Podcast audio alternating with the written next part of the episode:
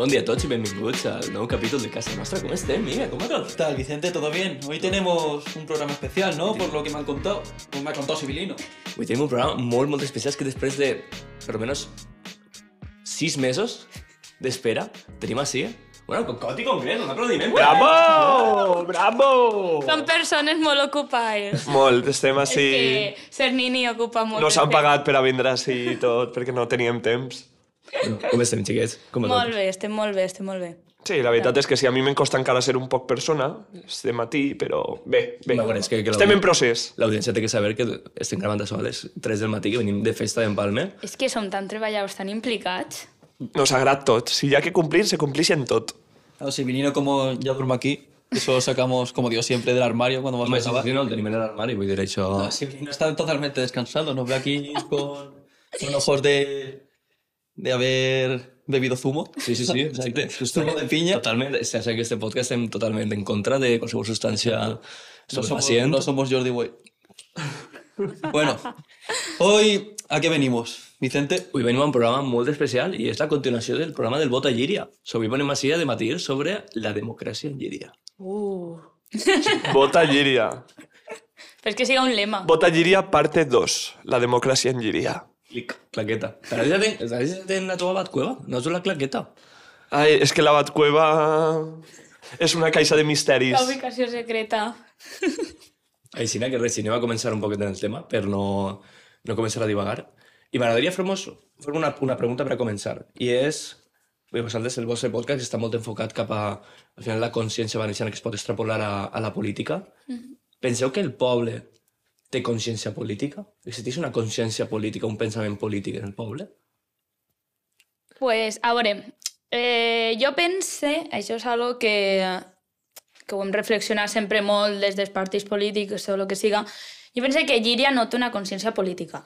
Crec que és algo que s'extrapola a quasi tots els pobles i molt general també la població espanyola realment té poca consciència política, però en els pobles eh, pense que també depèn de la zona, passa molt. I Llíria, Llíria jo crec que a lo millor abans, quan comença la democràcia, que és algo nou, és algo que la gent té ganes, sí que n'hi havia, n'hi havia associacions de veïns, n'hi havia organitzacions, però amb el temps s'ha anat diluint, la gent s'ha acomodat i prefereixen que s'ho arreglen les coses sense tindre que reflexionar massa sense implicar-se i això pot ser problemàtic perquè te prenen el pèl. Si, si tu dices que els que saben ho facin, entre cometes, estic fent cometes, eh, al final te poden prendre el pèl i, i jo crec que així falta, falta consciència d'això. Sí, bueno, jo el meu, el meu pensament va també un poc al voltant del que diu Marina. Sí que és de veres que jo el que pense és que, com, com diu Marina, al principi, sobretot a final de la dictadura de Franco, principis de la democràcia, en el poble sí que hi havia més consciència política, però perquè també se tenia també més consciència de lo que era ser poble. A mesura que han anat passant els anys i que el poble s'ha anat fent més gran per diversos factors, que jo, per exemple, crec que el factor de tindre València al costat a lo millor ha jugat un poc en contra de, de lo que ve a ser eh, crear consciència política en el poble, perquè molta gent pues, decidia anar-se'n a València o decidia estar més stand-by en el poble, pues, han jugat en, en contra i en contra en comparació a lo millor a altres pobles, que veus que en altres pobles pot ser que s'hagi conservat més, perquè sí que és de veres que en general en tots els pobles s'ha anat perdent.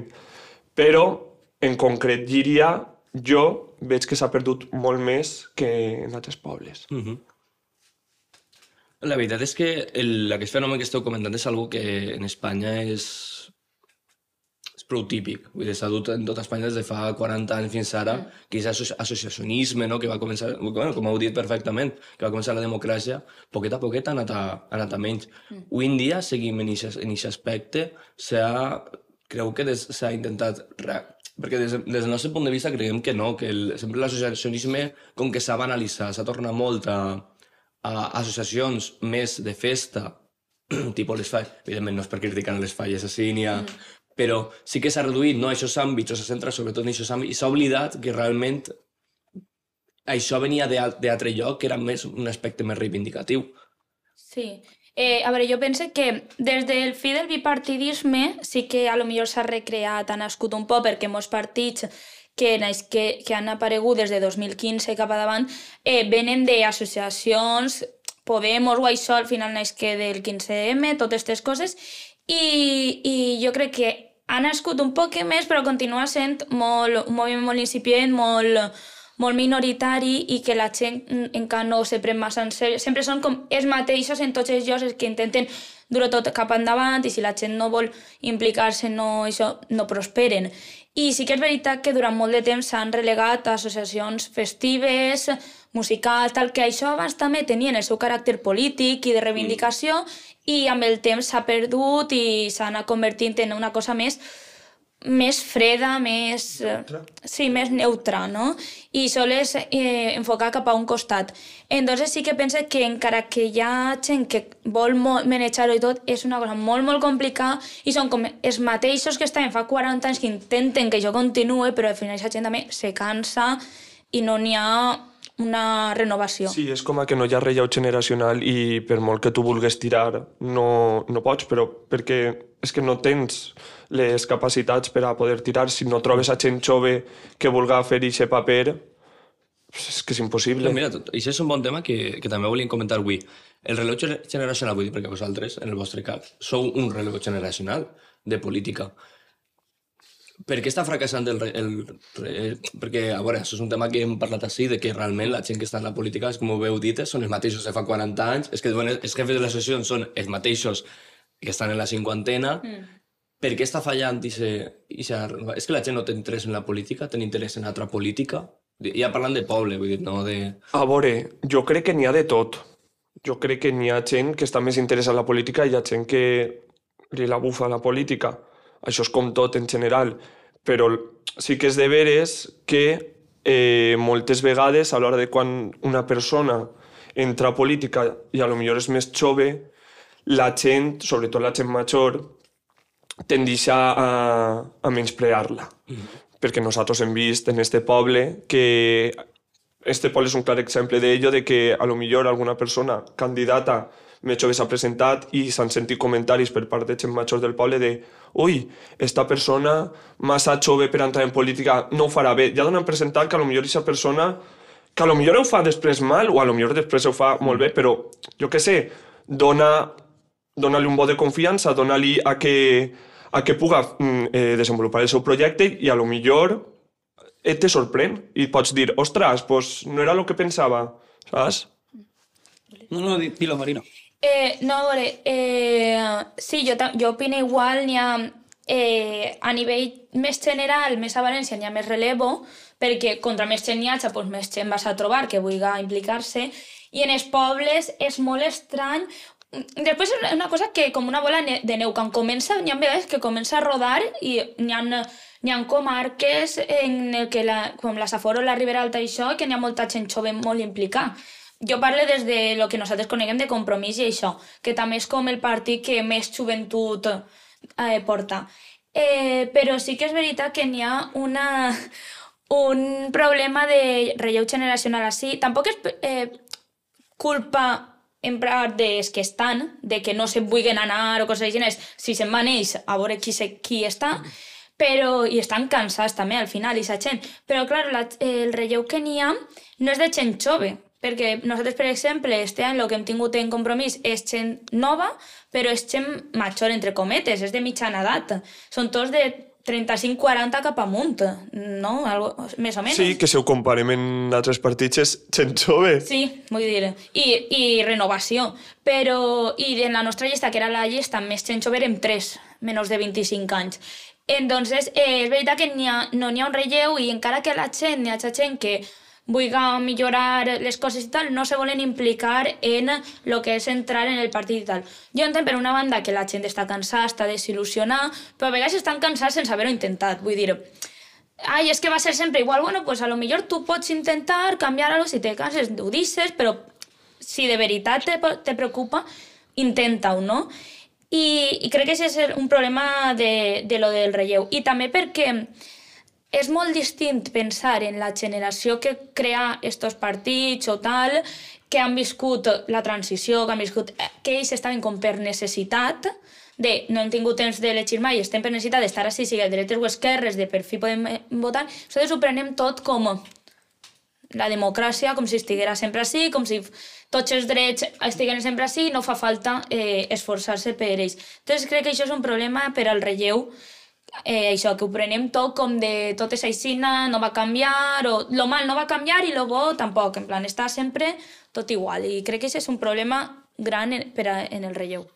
A ver, yo creo que el problema, lo, lo más relevante en el problema del relevo que estáis hablando, es que justo lo que se está viendo en nuestra generación es un desgaste político, porque con el auge de las redes sociales, eh, todo, todas las opiniones han aflorado, todo está politizado, la publicidad, eh, todo está dirigido eh, con fines políticos, todos los discursos, y al final nuestra generación, y las generaciones también que vienen por detrás, han vivido desde, desde que tienen uso de conciencia mensajes políticos y llega un momento pues que están cansados.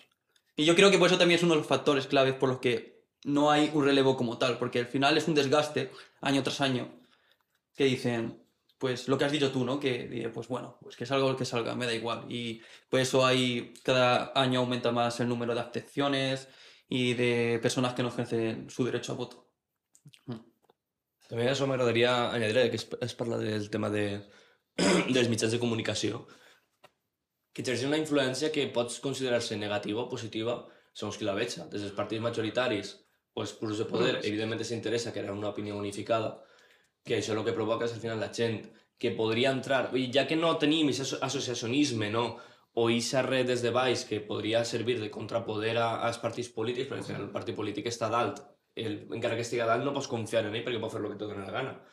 Però sí que és veritat que potser la gent que ve des de baix en la idea de renovar, de canviar la política, de dir, bueno, és que jo tinc unes, unes idees, no com tu has dit, has dit eh, tu, eh, Vicent, de, jo tinc les, les meves idees, no? I potser no me dona el vot de confiança.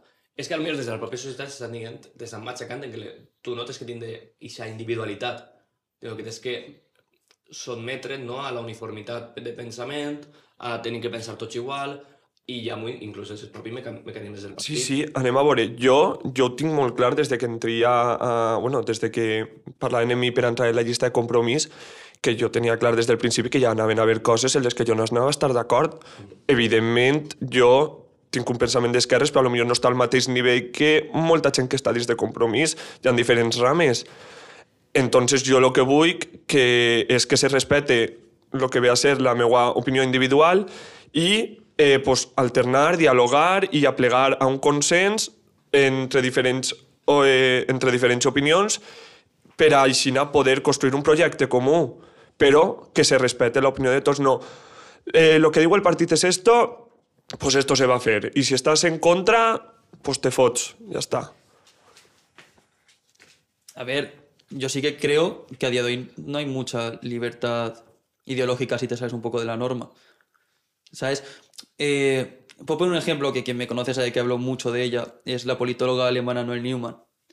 Tiene un libro que se llama La espiral del silencio, que habla justo sobre... No sé si lo conoceréis. No, jo no. A mi me sonar, però ni idea. A ver, pues es... eh, Tú no... oh, es- ¿Cómo se llamaba el, no- el nombre de... de pi- De Civilino? no, de Ma- o sea, Marina, pero... Cocot. Ponme Tocot. Marina, ya está. Vale, Marina. ¿Tú habías hecho sociología, me parece? Es que creo que se da también en las carreras, sobre todo periodismo, sociología... A mi les assignatures de política m'hi queden molt mal. Vale. No me pregunteu Bueno, pues, vale, esta, esta autora, Noel Newman, en La espiral del silencio, al final lo que dice, tampoco, no soy politólogo, o sea, lo digo un poco porque me lo he leído, a grandes rasgos, es que tú al final si te sales del pensamiento de lo que se ve bien, tal, pues es, tiendes un poco a que se te, se te excluya del grupo, ¿sabes? O sea, al final el ser humano eh, por naturaleza es sociable porque necesitamos un grupo para sobrevivir y tal, yendo un poco a lo biológico.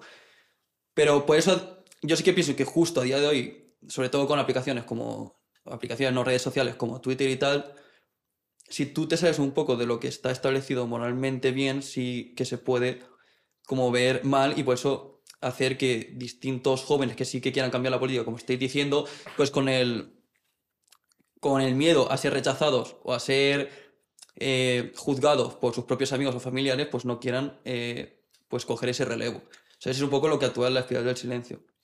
A veure, jo entenc que això sem crec que passa sempre i en tots els àmbits de eh, i tindre algo que no, penses que no van encaixar i, i no, i no expressar-ho, no?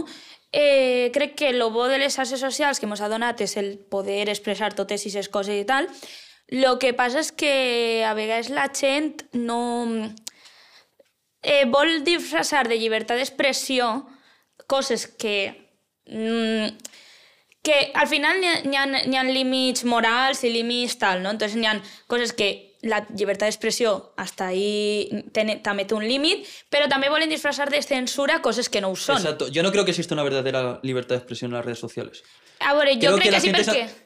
Hay un, gru- un, un núcleo fuerte donde que censura A veure, jo o sea, crec las que ideas políticas distintas. llibertat d'expressió n'hi ha perquè tu pots escriure el que a tu te doni la gana. Sí, o sea, claro que hay libertad de expresión si nos atendemos a la definición de la palabra. Yo digo una verdadera libertad de, expresi- de libertad de expresión. A ver, Una verdadera libertad de expresión, pero a tú, ¿qué es? ¿Qué es eso? ¿Qué, qué- que yo pueda sentirme libre a decir mis opiniones sin sentirme juzgado por nadie. Yo no estoy diciendo que tú no me vengas y me digas, oye, pues yo pienso lo mismo que tú por tal, ¿sabes? Pero es que justo en Twitter eh, se ataca. Pero es que la gente siempre te va a juzgar. Ja. Sempre, sempre. Siga la, siga l'opinió que siga. A lo millor dius, ui, he comprat llonganisses d'esta carnisseria i te diuen, pues esta, esta carnisseria és una merda, perquè no les has comprat de l'altra. És que pareixes tonto. En coses tan senzilles com això. Saps? Jo La crec- gent sempre te va a juzgar. Yo, yo tengo amigos, ¿vale? Que son tanto de derecha, vamos a poner nivel Vox, y otros de izquierda, Podemos, ¿sabes? Justo lo contrario, ¿vale? Y yo con los dos, eh, obviamente tengo pues ideas distintas de los dos bandos y tengo también mis propias ideas y puedo, puedo sentarme con uno y con otro y decir, oye, eh, yo no estoy de acuerdo, sí que estoy de acuerdo, y ellos me dicen, mira, pues yo opino contrario a ti, pero luego al final del día, o sea, acabamos el debate y vamos a tomarnos una cerveza y nos vamos a seguir riendo. Eso para mí no es juzgar, porque estás al final pensando distinto a mí, pero sin embargo luego no te voy a hacer, no te voy a alejar, no te voy a... Claro, però això és en cercles propers. En Twitter tu poses un tuit i la gent te contesta i ja no... Esa persona no la coneixes de res, ella no te coneix de res, no va haver més. Entonces, la llibertat d'expressió està en que tu no puc... existe una libertad de expresión verdadera. A veure, jo el que penso és que la llibertat d'expressió està en que tu pots dir el que vulguis i la gent pot contestar-te el que vulguis, el que vulga. I si tu sents que t'estan xutxant, pues sí, t'estan xutxant, perquè jo també, si, si no opine el mateix que una altra persona, l'estic xutxant perquè no estan els meus principis. Vull dir, ja ella me va xutxar a mi perquè els meus principis no són els seus principis. I crec que això és una llibertat d'expressió. La llibertat d'expressió és que tu no tens conseqüències reals quan dones la teva opinió. I que tu no per Twitter te diga estàs gilipollas, no me pareix que siga una censura. No t'estan censurant a que no pugues donar la teua, la teua opinió. Entonces, Pero eh, si, te- si tú pones un tweet eh, diciendo una idea política tuya y te vienen 10.000 personas a decir, a insultar, eres una imbécil o no sé qué, para haber dicho, a ti no- a- Yo sé tú que no, me- ¿Tú no tienes una autocensura?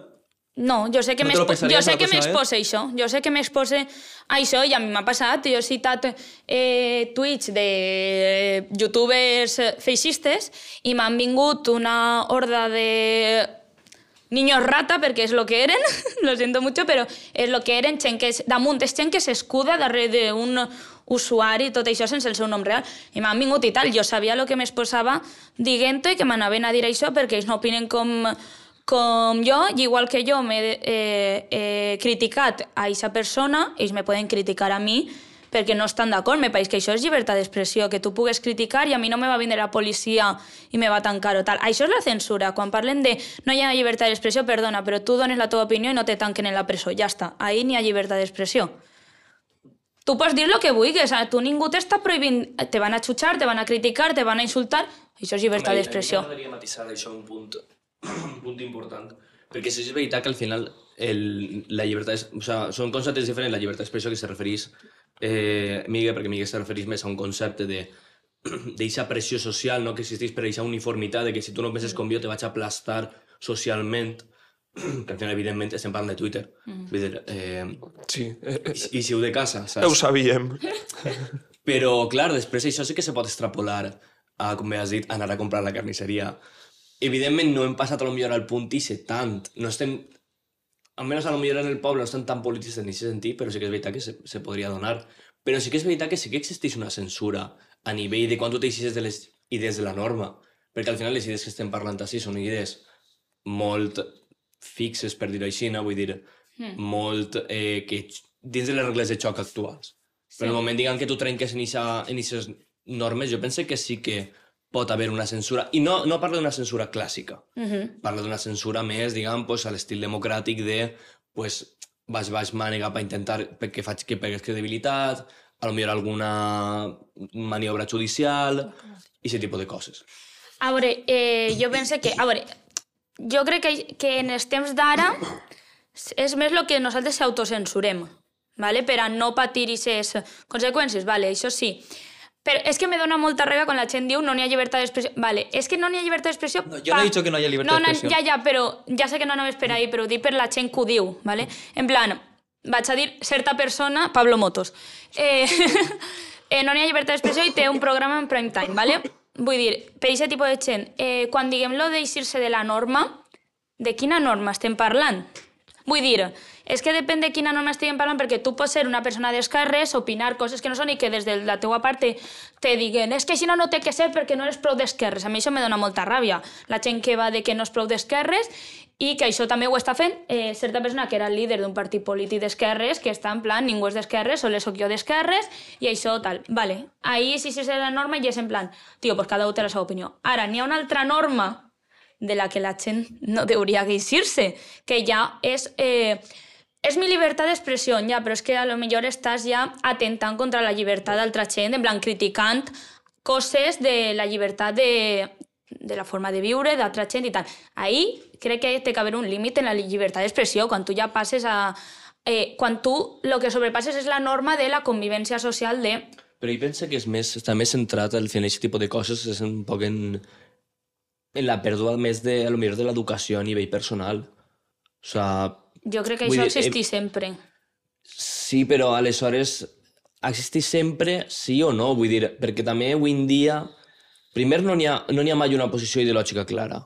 Passen en mitjans de comunicació i passen les persones. Ningú diu, mira, jo estic coment... Jo, tots, volen, tots són, són neutrals. No, no, no, a veure, jo objectivament dic això. A veure, tu objectivament no, no pots ser objectiu perquè tu t'has criat d'una No manera, penses d'una manera, però no sé què. Però primer, ningú va de cara. Ningú diu, mira, jo penso això, però opine que no sé què. No, tot el món som superneutrals, tot el món, no, és que jo faig per el bé de no sé què, d'Espanya, de Llíria, és que en teoria estic parlant de Llíria, però de Llíria. Per altra, per altra part, no? Isa, i després és, al final, la, la falta de- d'educació respecte cap a l'altra persona, perquè sempre, bueno, això, meu amic sap molt de tema de fal·làcies, de tema de... de, de, Sí, lo uso, lo uso demasiado. De, de clar, de, tu quan t'ataques a l'altra persona, normalment, que això ho haureu vist moltes voltes, no parles... d'altra- Que a mi m'agradaria treure, el, ara quan puguem, el tema de la nostra companya que no pogut vindre avui, perquè precisament volíem treure perquè ja ho va patir justet quan començàvem a, a planificar el programa que sempre s'ataca a nivell personal. Sí. L'altra persona. Mai no, mm, vull dir, no estem parlant d'un debat que evidentment, so- vull dir, si tu vas cara a cara, pues sempre li pots calentar la cara a l'altre i dir, va, explica'm les teves idees, i ahí ja, Ja- ja, la gent sí. se, sol desmuntar. Però sempre és un, un atac als valors personals, a la forma, inclús moltes vegades Al podem físic. parlar, a exacte, a l'aspecte, al físic. O sigui, realment és, és un atac a la llibertat d'expressió com a tal. Al final tot el món pot dir el mateix. O és bàsicament un símptoma d'una falta de valors que estem patint. Jo penso que sí que és un símptoma de falta de valors. A veure, sí, però, claro, jo lo que dia és no atacar a nivell personal de, pues tu eres lleig, saps? Pues tu Claro. gafotes, saps? No, jo m'estava referint a la gent que, que vol dir jo, jo estic exercint el meu dret d'opinió, però realment el que estàs promovent és un discurs d'odi. No com a, a la persona en si de eh, me pareixes molt lleig, estàs molt gros, eres molt alt, eres no sé quantos, Sí. o gilipolles... Ho dies extrapolat a, normal. a nivells més Jo extrems. dia a nivells de, eh, de dir de, de racisme, de, de homofòbia, de tal, que la gent... Ui, pues si ells poden expressar el que són, jo per què no puc expressar que no me pareix bé? Ho sé molt, però ahir n'hi ha un límit en la llibertat d'expressió, tot un límit, l'humor té un límit, la llibertat d'expressió té un límit. I quan tu, la teua llibertat d'expressió coincidís amb eh, afecta a la llibertat D'expressió de d'existir d'altra gent, ahí és el teu límit. Jo puc dir, eh, jo puc parlar políticament de no m'agrada el capitalisme, eh, a baix amb, el, amb la democràcia eh, mm, no me deixarà el nom, la, la que tenim ara, eh, la democràcia liberal, totes aquestes coses, no? I tu pots dir, no, jo estic a favor del capital... Vale, no me va pareixer bé, no me va a bé. I si me calfes, segurament m'enfado, perquè a mi no me pareix però és que aquesta persona se va enfadar en Pues mi que eres també. feo. pues idiota. y esa gente también me va a decir a mí, en plan, eh, pues ¿cuántos muertos había en la, en la URSS? ¿Sabes?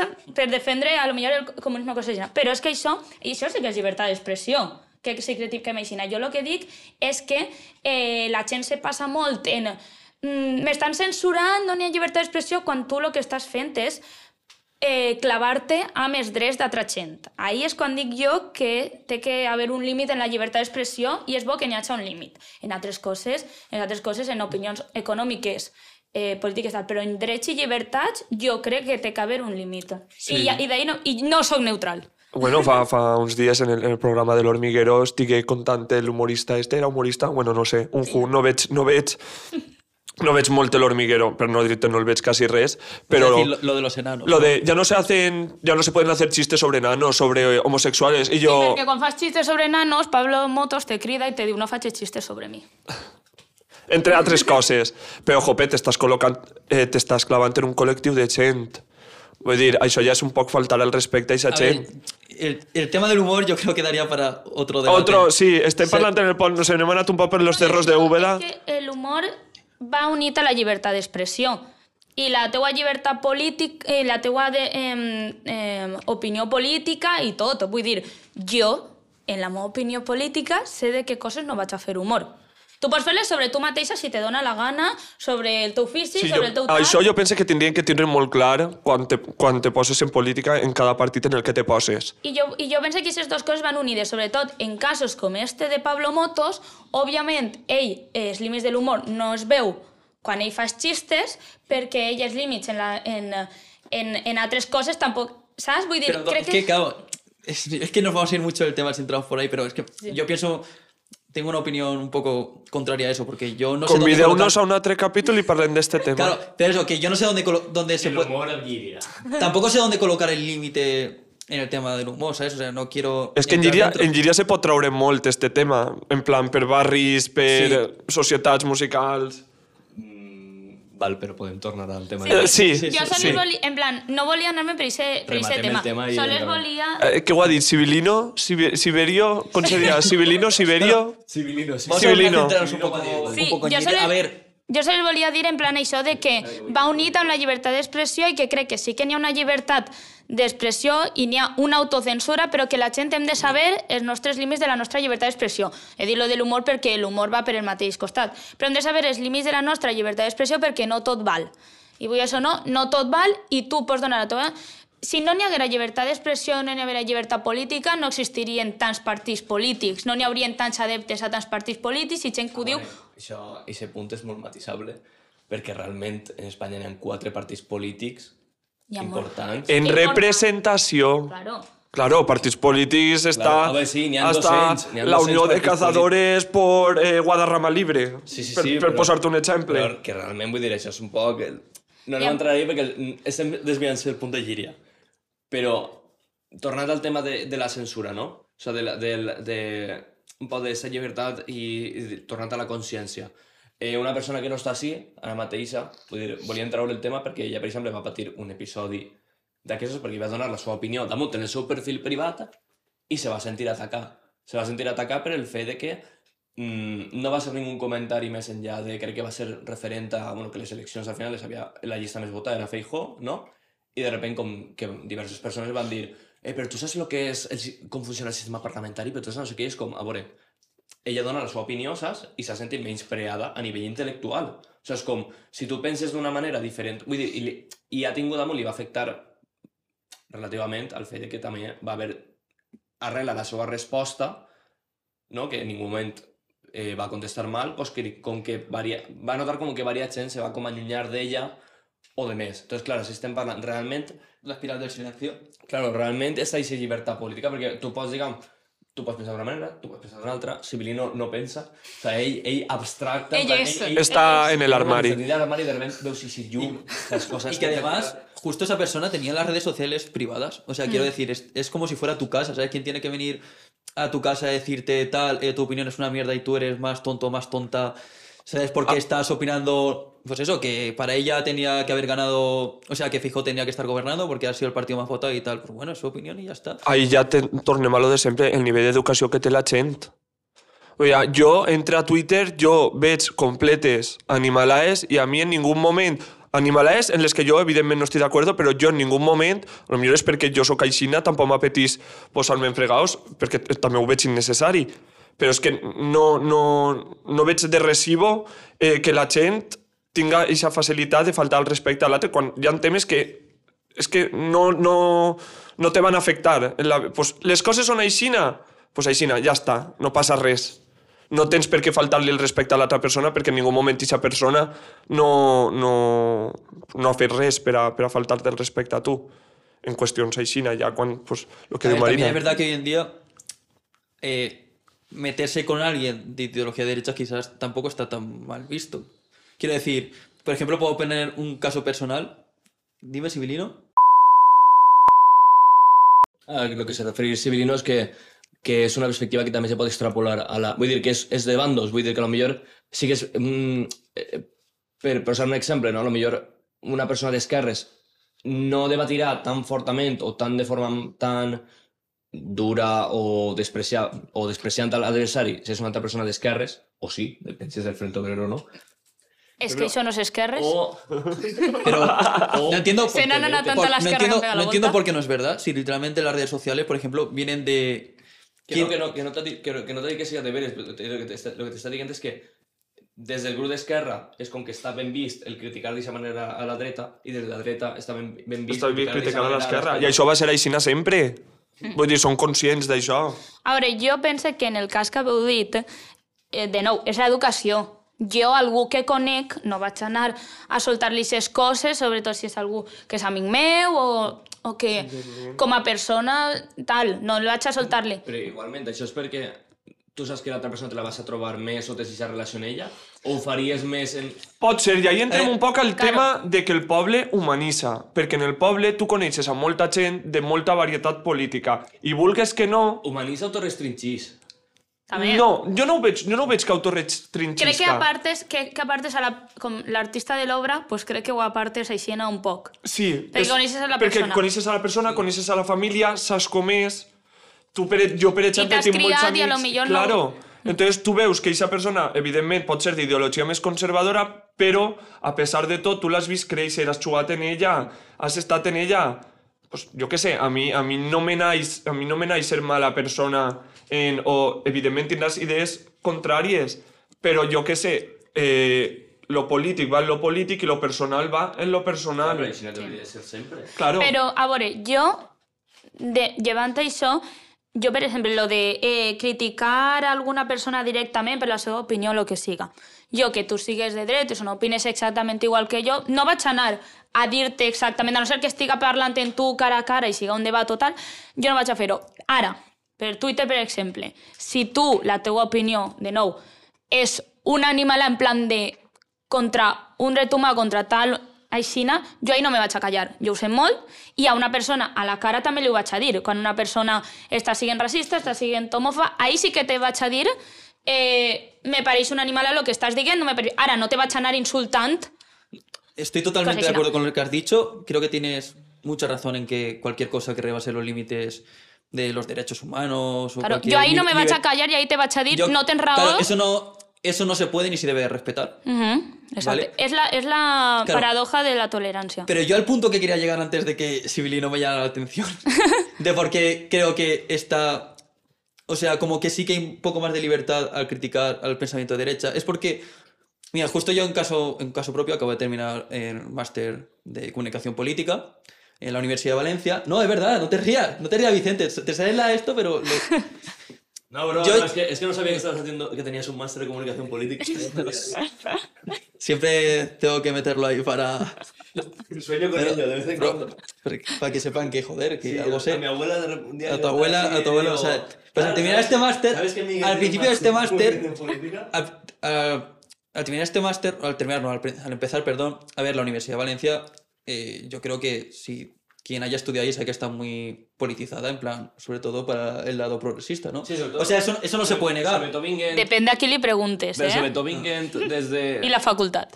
Vull dir, per, Sí. això és, per, per acompanyar l'explicació de Miguel en una experiència personal, i va xocar molt, no? perquè vens d'un poble no? i encara que tingués una consciència política més de la mitjana, tu apliques allí, a la facultat, sobretot en la zona en la que estarem nosaltres, que és la zona més polititzada de València, i tu te xoca.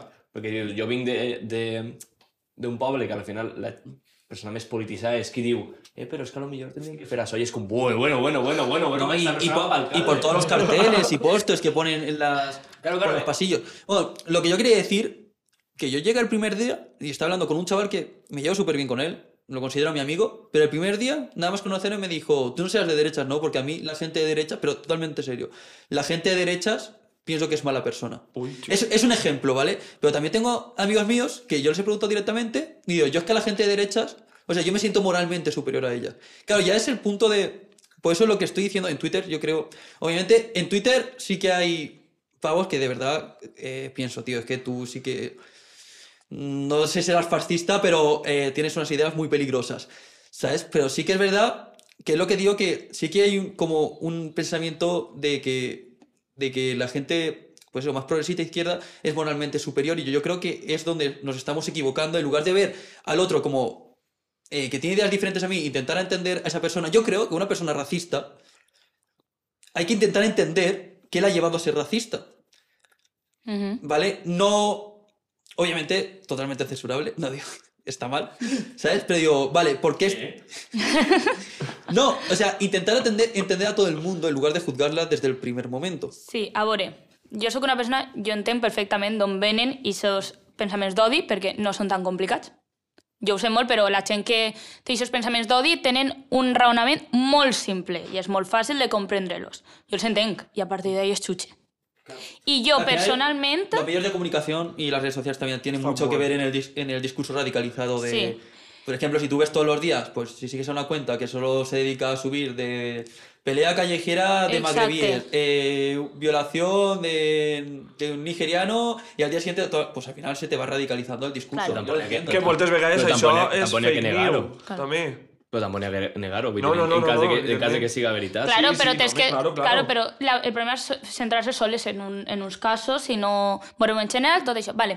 Jo el que dius de la gent de dretes, gent d'esquerres, tal, jo puc dir de conya que eh, la gent de dretes, no sé quant, i després tinc molts amics de dretes. Una de les meves millors amigues en la universitat era... era... No, no, però jo tengo amigos gays, eh? Jo. Però és que sona, sona molt paregut. Sent vibes. disculpa. No, però que, que jo ho dic, jo, i, jo, i jo ho critico jo tal, jo tinc una amiga que, una de les meves millors amigues a la universitat, és del PP, molt implica en tot i tal, i és molt amiga meua i em parla molt de política i jo m'alegre pels seus èxits, ella s'alegra per els meus. Ara, jo per els èxits del seu partit no me vaig alegrar mai, i ella per els del meu, pues, tampoc perquè no coincidim, no? Entonces nosaltres a nivell personal i en moltes coses coincidim i en altres coses no coincidim i tal. I entonces és això, jo tinc, vale, tinc, de, tinc de molts amics i tal, perquè aquesta gent és gent raonable. I jo, per la meva banda, sóc gent raonable, que tampoc me vaig escudar en directament, si no opines exactament com jo, te vaig a odiar. Ara, en la gent d'extrema dreta, jo sí que pense que són moralment superior. Per què?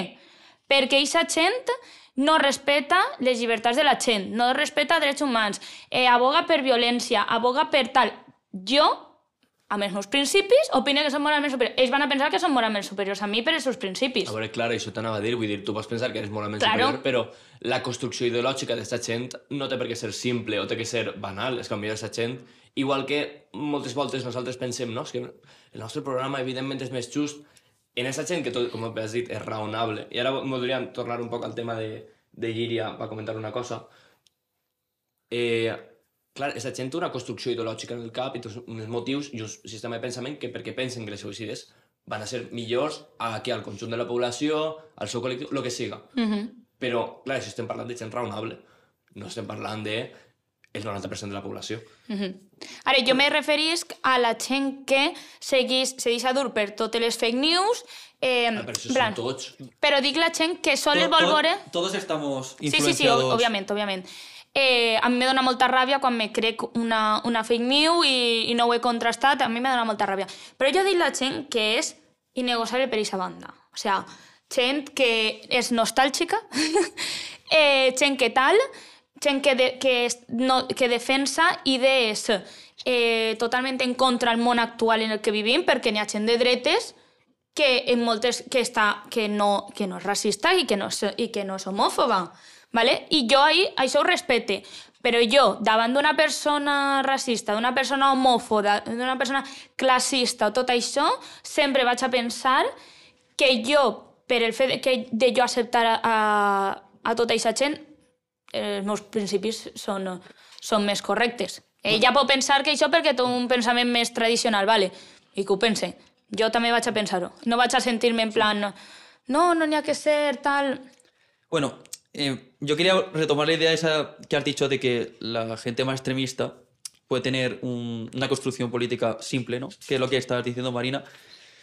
Eh, por ejemplo, el tema del racismo, ahora lo voy a unir a eso. Jo estic totalment en contra. A mi em Sí. sí. que el falangisme és una ideologia molt complexa. És i... molt complexa, home. Vicent, Bueno, por Sant ejemplo, Vicent pensava el De mateix, la extre- veritat. algo de extrema derecha, te- el, el discurso antimigratorio, ¿no? Te pasaría racista o, o de extrema derecha. Mm, sí. Vale. Y que es gente con una construcción simple. Eh, Roberto Vaquero. El odio en tota la meva alma. Pero Roberto Vaquero, por ejemplo, estemos a favor o en contra de él, es, un- es una persona, es geógrafo, escritor, historiador. Y tiene, y tiene, y tiene un, un discurso totalmente antimigratorio y sobre todo eh, es muy crítico con el Islam. ¿Sabes? Y no es una persona con un constructo, un, un discurso político simple, que es lo que estás diciendo tú. Por eso que no todos de extrema derecha aquí eh, simplemente son, pues, yo qué sé, analfabetos políticos que solo se guían por eh, lo que leen en el en OK Diario. No, no, jo no dic que eh, la en si siga gent poc educar o simplista o tal. Jo dic el discurs. La, els, líders, els líders de l'extrema dreta i els que han creat els discursos, els que han creat Vox, no Abascal, no Espinosa Los Monteros, els verdaders creadors de Vox són intel·lectuals. I són gent que ha llegit a Marx i que ha llegit a tot i és gent molt estudiada. Això no lleva que el seu discurs sigui simplista. Vull dir, ¿Tú podrías entender el discurso antimigratorio de Roberto Vaquero?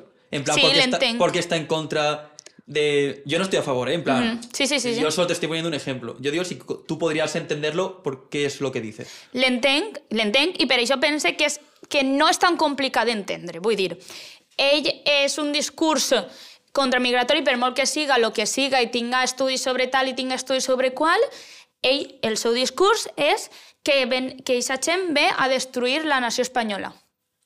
És que no té més tras, trasfondo. És que tots aquests discursos antimigratoris i antital no tenen més trasfondo. També perquè sols van a per els, els immigrants pobres. És un discurs antimigratori classista. El seu discurs ahir està en què estan atacant la meva cultura i estan atacant la meva nacionalitat. Entonces, per això pense que és algo simple. La gent pot ser tot lo intel·lectual que vulguis, però el trasfondo del, del discurs és un trasfondo simple d'odi. I no li puc trobar més, més complicació. Anem a fer un tall, així. Em va deixar el... Anem a sentar-se en el poble, que el tema és ixe. Jo entenc que qualsevol altre dia podem fer un debat de les idees com vulgueu, us convideu al Eh, vostre sí, programa. sí, la veritat. También, pero al final... Hem començat en el de poble- política, o sea, también inevitablemente va, se va a extrapolar. Sí. a nivel nacional, ¿sabes? Y a nivel... Eh, però vull, vull reconduir un poc el programa. Claro, claro, no, porque es normal, quiero decir. Jo dic perquè pense que tampoc se pot extraure tantíssim, tan prof profundo d'un poble, Ara vaig a treure argument, Xisbert. No, és tan difí- no, no se poden treure tantes idees tan profundes. Centrem-nos en dins de les creus eh, de les, del poble, per favor. Sí, sí. Hòstia, bueno, Pi! ja està. Pip, el primer pip, civilino. Vale, eso da para otro debate como... Ya son dos debates. No, home, no.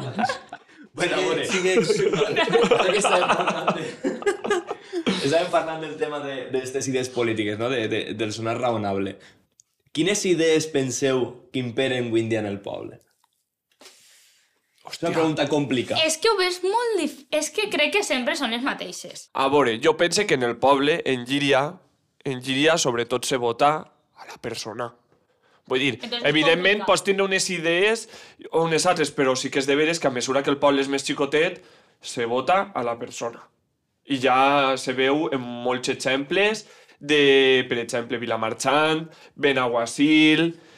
Evidentment, a mesura que el poble se va fent més gran, doncs com que tot això se perd, però Llíria encara conserva un poc aquesta part de... Ai, és que jo voto a este perquè ha sigut veí meu tota la vida, bona gent, tal, és que el conec... I això, vamos, tant en partit de dretes com d'esquerres.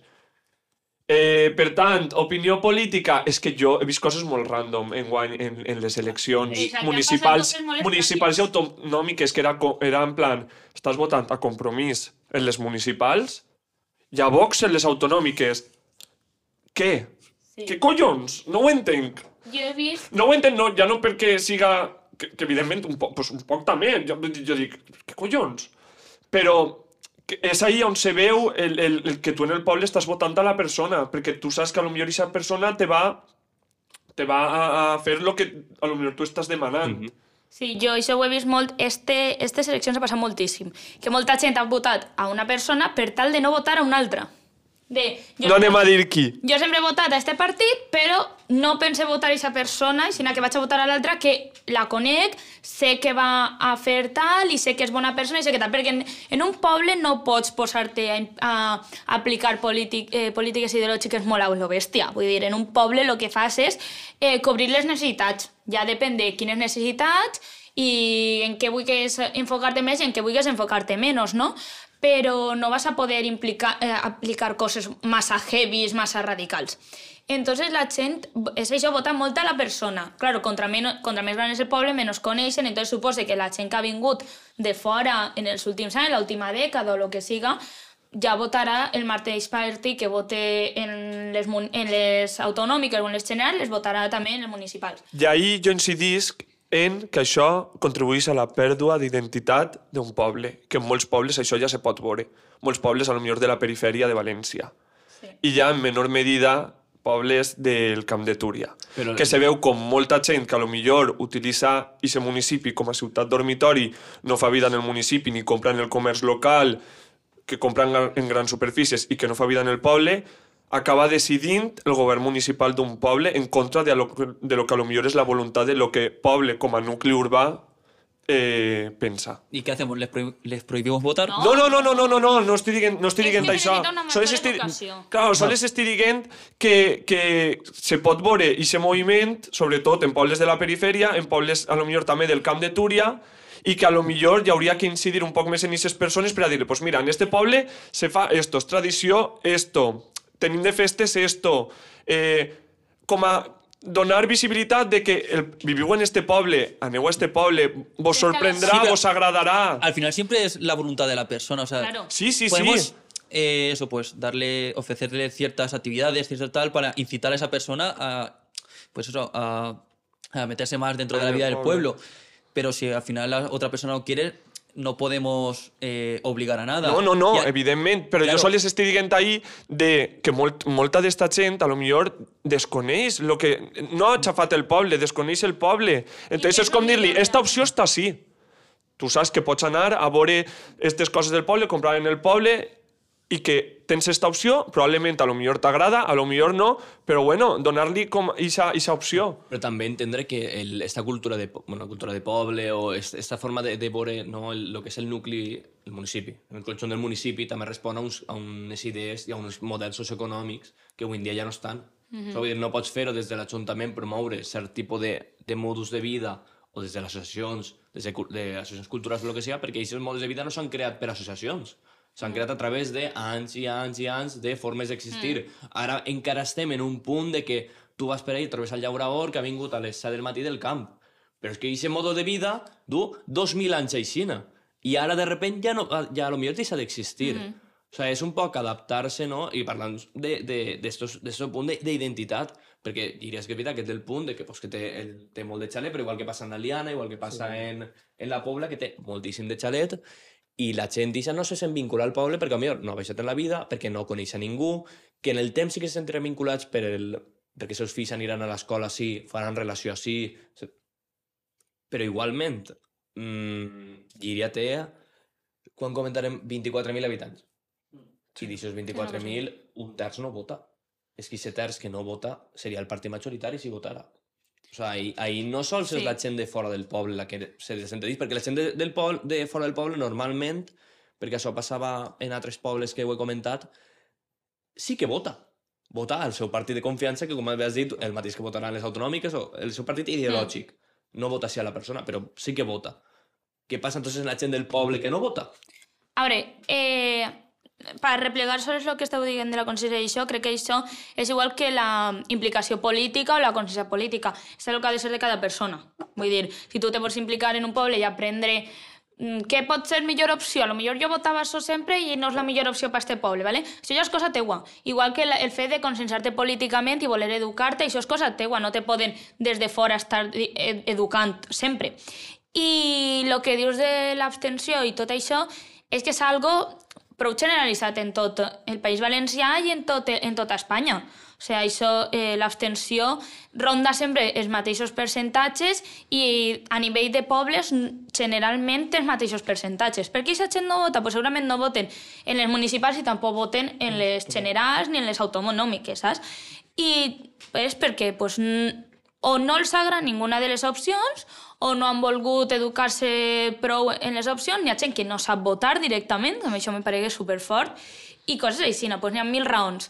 Eh, dins del poble, és que jo torne altra vegada, és que la gent dins del poble jo crec que és o vota este partit perquè el vote sempre, perquè jo sóc del PSOE i vote sempre el PSOE, jo soc del PP i vote sempre el PP, en les últimes eleccions. Un, un error. coses aixina, o eh, n'hi ha gent que va variant, de, dins de l'esquerra va variant, o dins de la dreta va variant, o coses aixina, o n'hi ha gent que va votant d'un lloc a altre, depèn el que li vinga. Però després dins del poble, a part d'això, està lo de la persona, perquè és el que dius, n'hi ha gent que ha votat així a, a Compromís i fora al PP. PP. I al revés, n'hi ha gent que ha votat així al PP i perquè coneix a les persones que estan en la llista o el que siga i fora votat a compromís.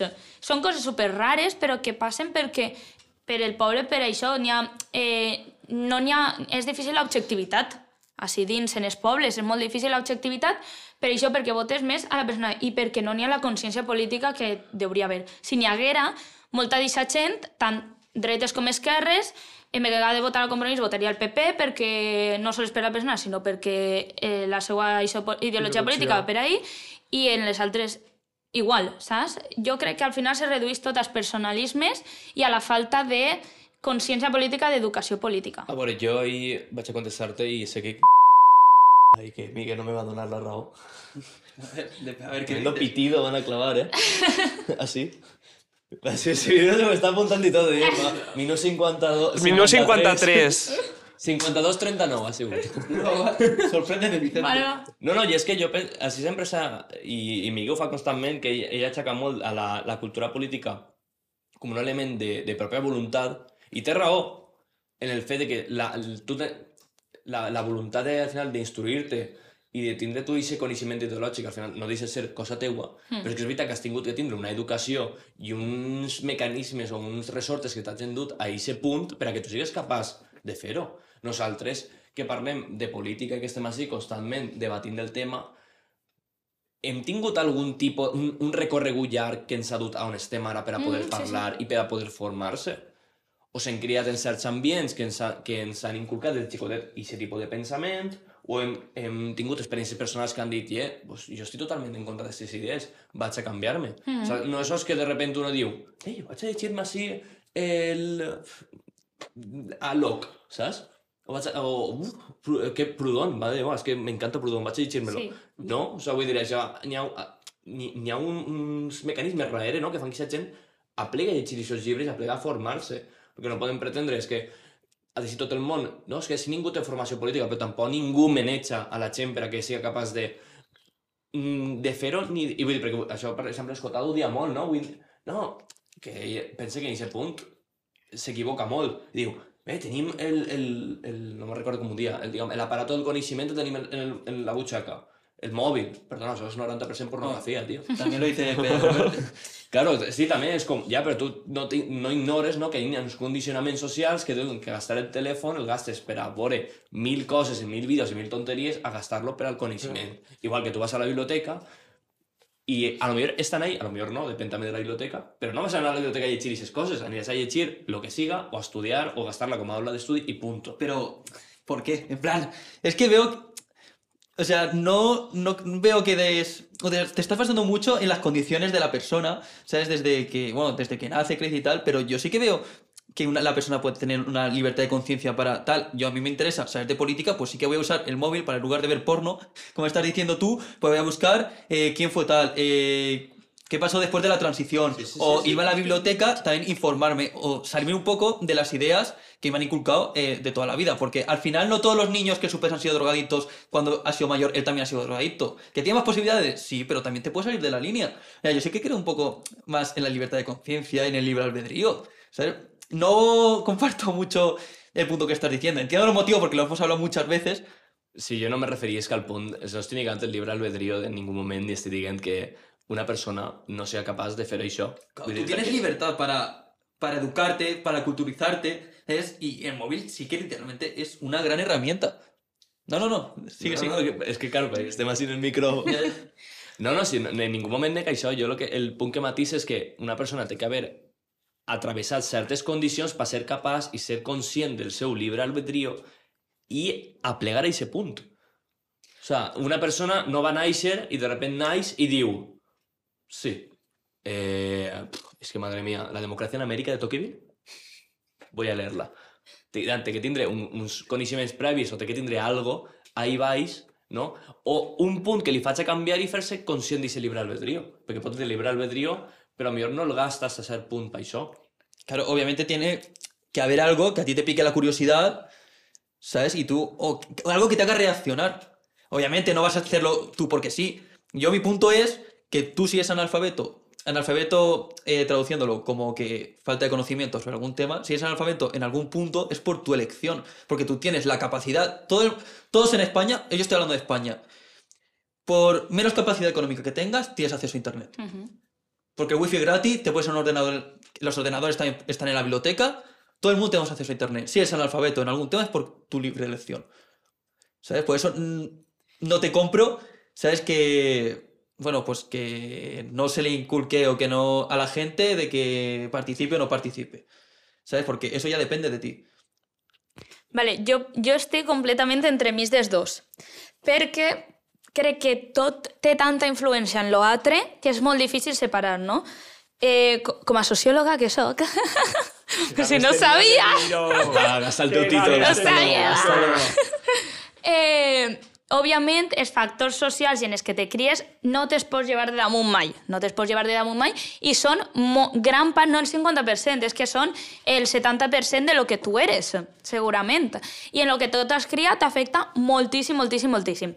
I sempre va estar ahí. Per molt que tu trenques en algo, sempre van estar ahí. Te pot servir per continuar amb certes idees o per a contrastar el que tu t'has criat, no? Ara, també existeix el punt d'inflexió en el que tú, eh, per algo, per algun casual, has vist algo i tal, i dius, hòstia, pues a mi, mira, lo que he viscut sempre eh, és contrari a això, per què tal? I, I ja te comences a educar, i és com aquest punt d'inflexió el que te fa, i tens que tindre tu la voluntat de fer-ho. Entonces, jo crec que n'hi ha opcions, de, en plan, n'hi ha casos per a tot.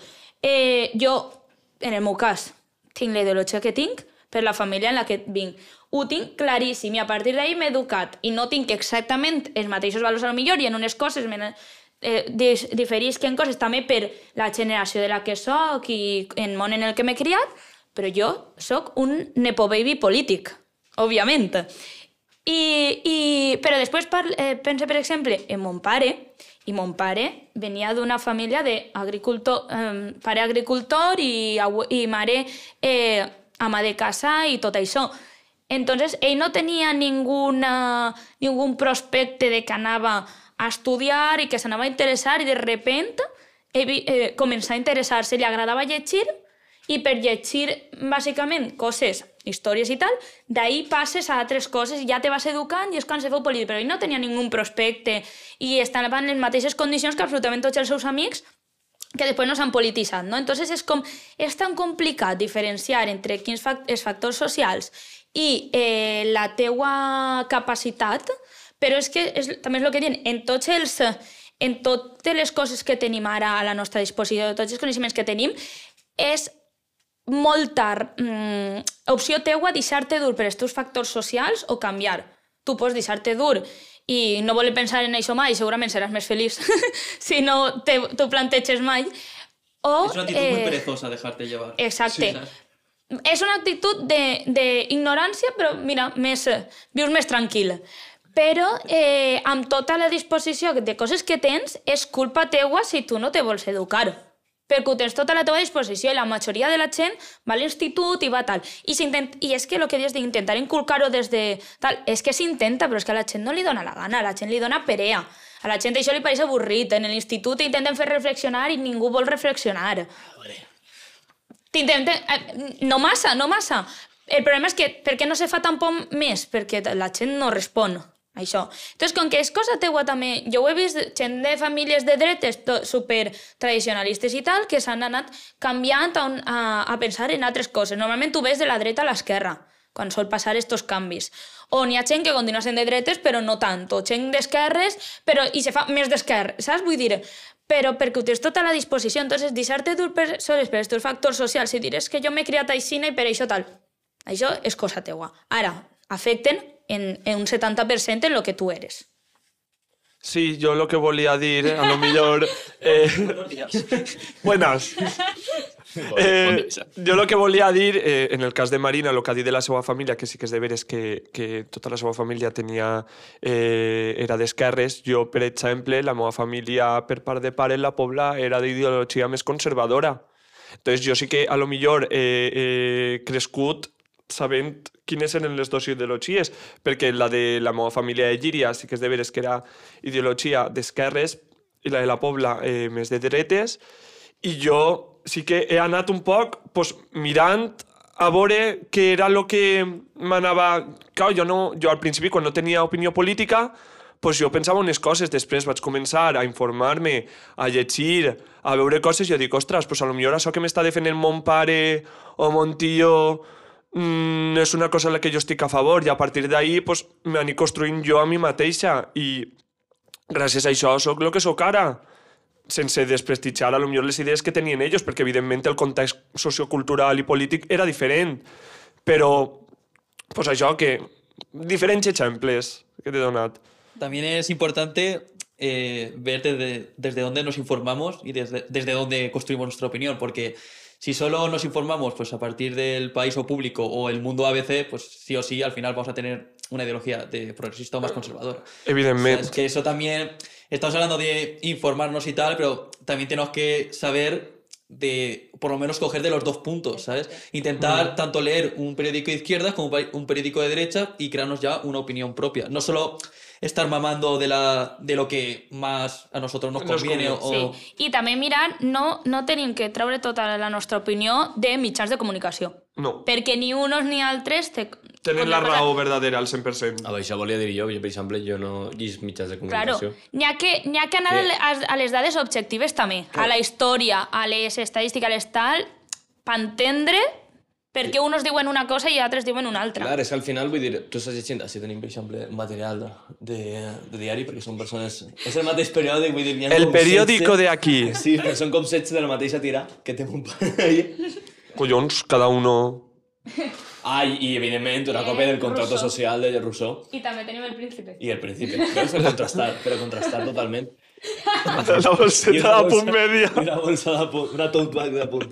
Val? Però, no per, tenim. perquè molta gent sí que, diu, sí que diu això, no? És que per a formar-se n'hi ha que llegir eh, molts mitjans de comunicació, però a veure, a mi en quin, en, en quin punt me va formar el llegir que en, la, en, en dos periodos diferents, unos que Leticia, eh, Leticia hace no sé què i en altres que Leticia hace no sé quanto, és com, a veure, és una notícia, vale, està Sí. molt bé, m'ha informat, pocs d'actualitat, que sí que és veritat que a través d'una formació que jo tinga prèviament puc traure, no?, com ho han parlat o com ho han I que dit, normalment no són tan obvis, claro. y que no son tan obvios. Claro. Así siempre digo súper fácil y es como...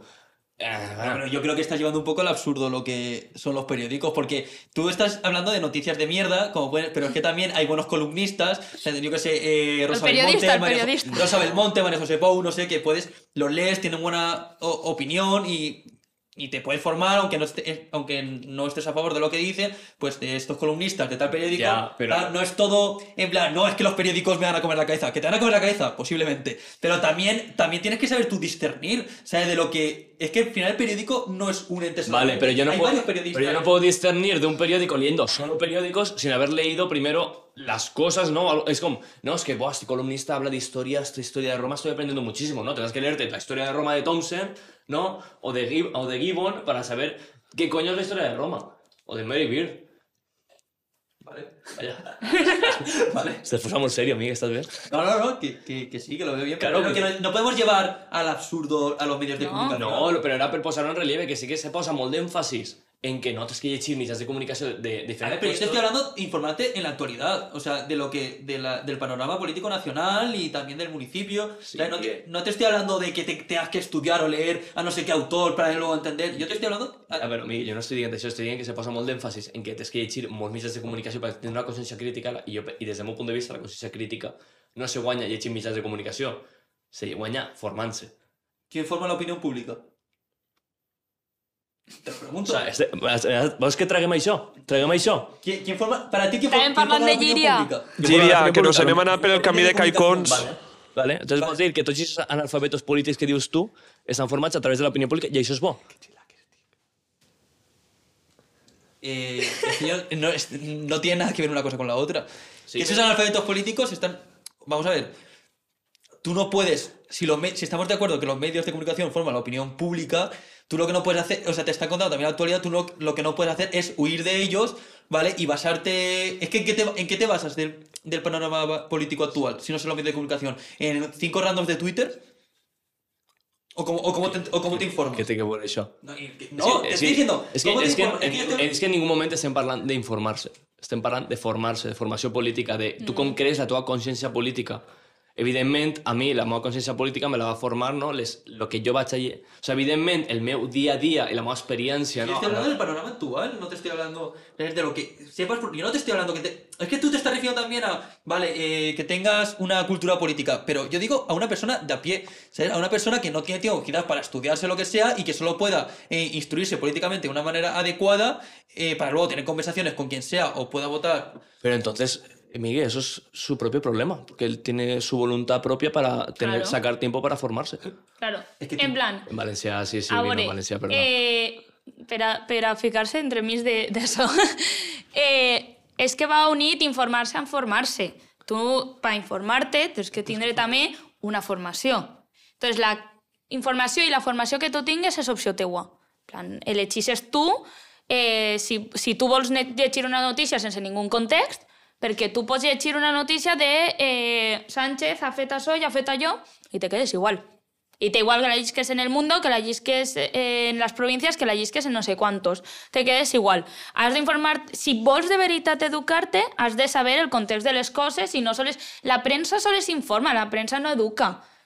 Després estan les opinions dels columnistes, però això és la seva opinió personal. I tu pots estar a favor o pots estar en contra i el que siga. Però és que és veritat, fan falta les dues coses i al final el que estàvem dient era eh, la gent per a... És que no sé ni de quina pregunta veníem, ni de quin tema veníem, realment. Dona igual. La veritat és que hem Tu començat continua. en Llíria i hem acabat en les bodegues de Banacloch, allà al final del terme. Entonces, eh, entonces eh, no sé, eh, tenint en compte el que diem de la formació, de l'educació política de la gent i tal, crec que és qüestió de cada uno, a part de lo del context social que diem, crec que és con, eh, co- cosa de cada uno el voler educar-te d'una forma, voler educar-te d'una altra. Si tu penses que te vas a educar sols llegint eh, periòdics, ahí te van a contar l'actualitat, no te van a contar el context. Tu vols saber sobre la guerra d'Israel, vale, te van a contar ara. Han matat a tal i han matat a qual. I tu pots dir, ai, la guerra està molt mal. Vale, però si tu no saps d'on ve aquesta guerra, no pots tindre una opinió formada, no? Vas a saber lo que està passant ara, i en això no fas res. I entonces, en aquestes coses, mil coses aixina. I és igual que i els partits polítics això ho utilitzen molt per a vendre't eh, que esta cosa és inconstitucional, esta cosa va en contra de tal, esta cosa va en contra de qual. I la gent diu, ah, pues està passant ara i és aixina. Vale, però per què diuen que això no... Per, per què diuen que això és inconstitucional? Per què diuen que això tal? Tindràs que veure també, tindràs que, per a saber-ho bé, i si tu vols saber-ho bé, eh, què dient abans, d'on venim, què coses han passat abans d'això. Si tu sols vols saber de l'actualitat, doncs llegeixes periòdics, mires la televisió, mires Twitter, t'informes de lo que està passant ara, però per formar-te tu necessites saber el context i, i d'on venen les coses. És una cosa que, que veu de l'altra, al final. Ni una cosa sol és una, tu no pots viure de la història ni pots viure de, la, de les notícies de Eh, l'actualitat. eh, eh, eh, per què dius de la història? No sé, estàs vivint de la història. No, la veritat és que no.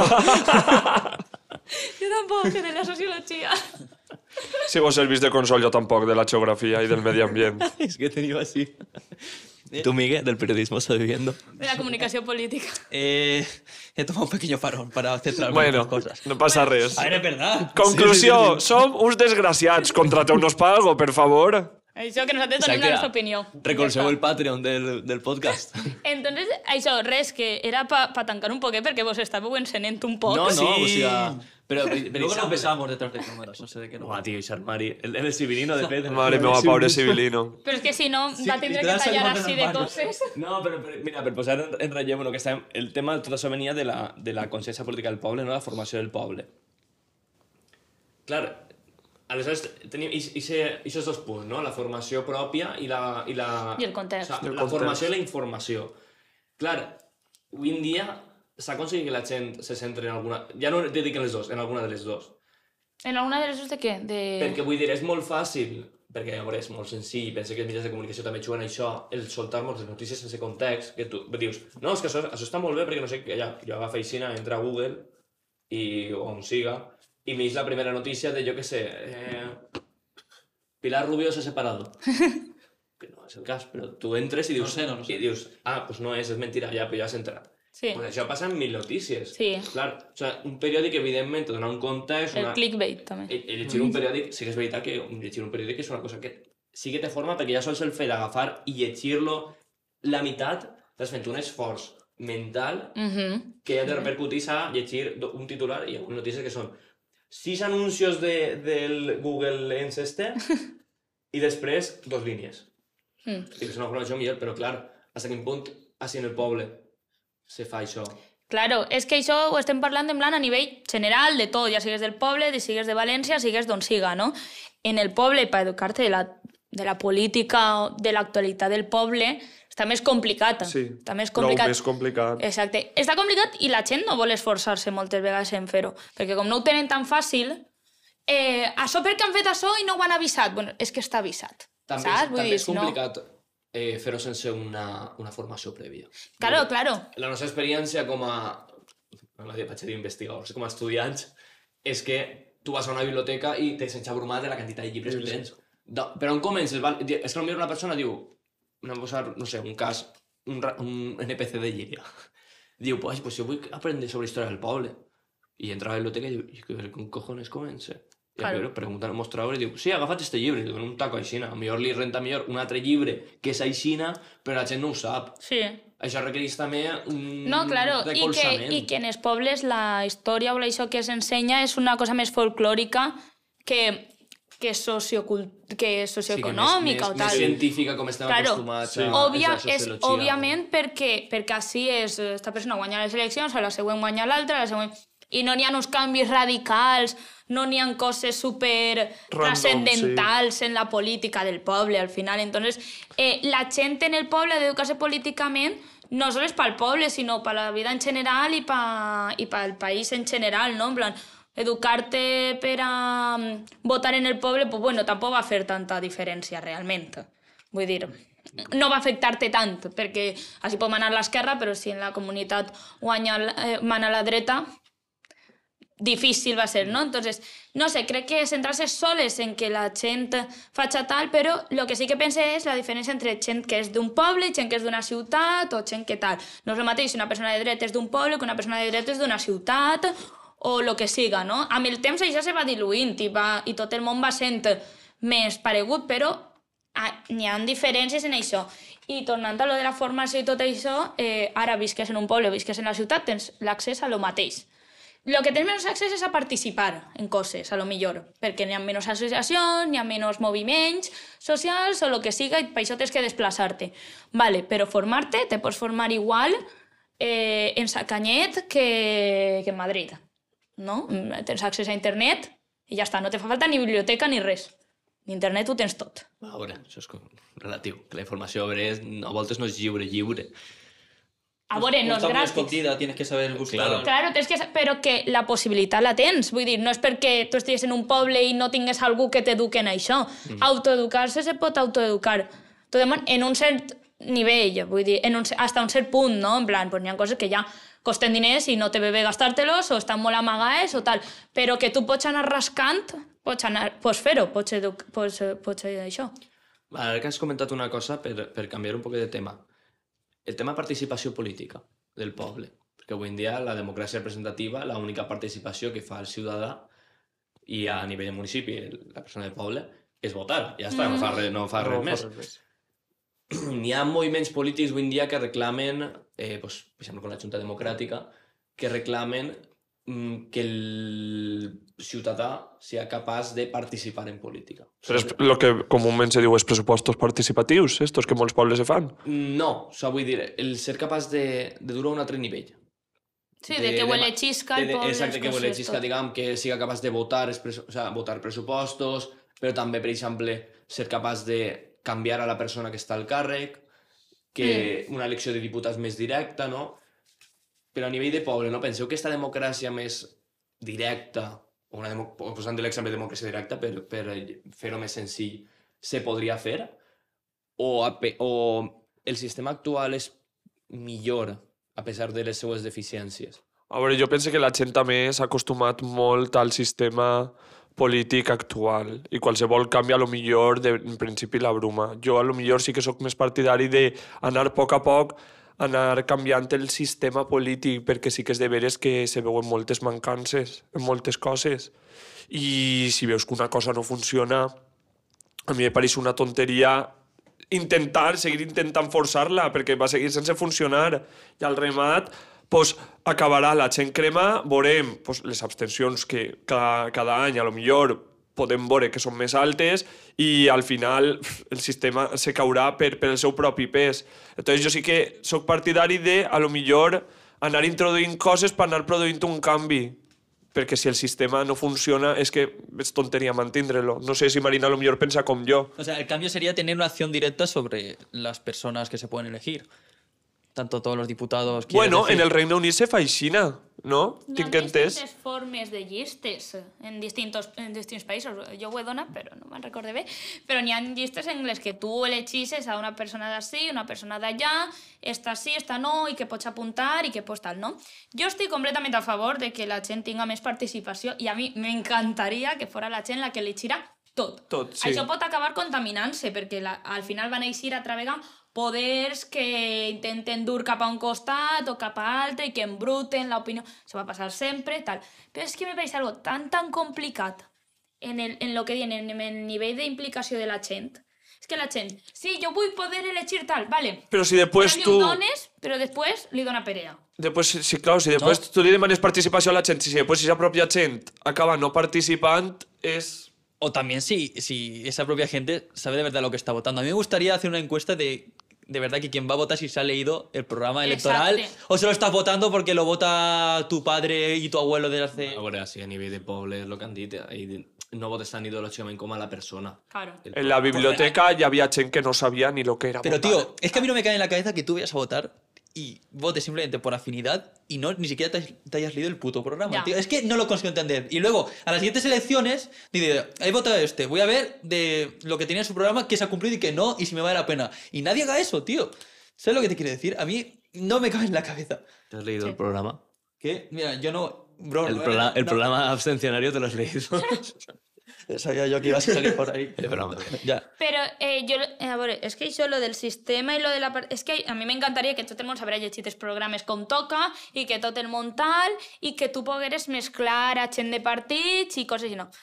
Eh, per desgràcia, les coses no funcionen així i, i, i pareix que siga una utopia, per desgràcia.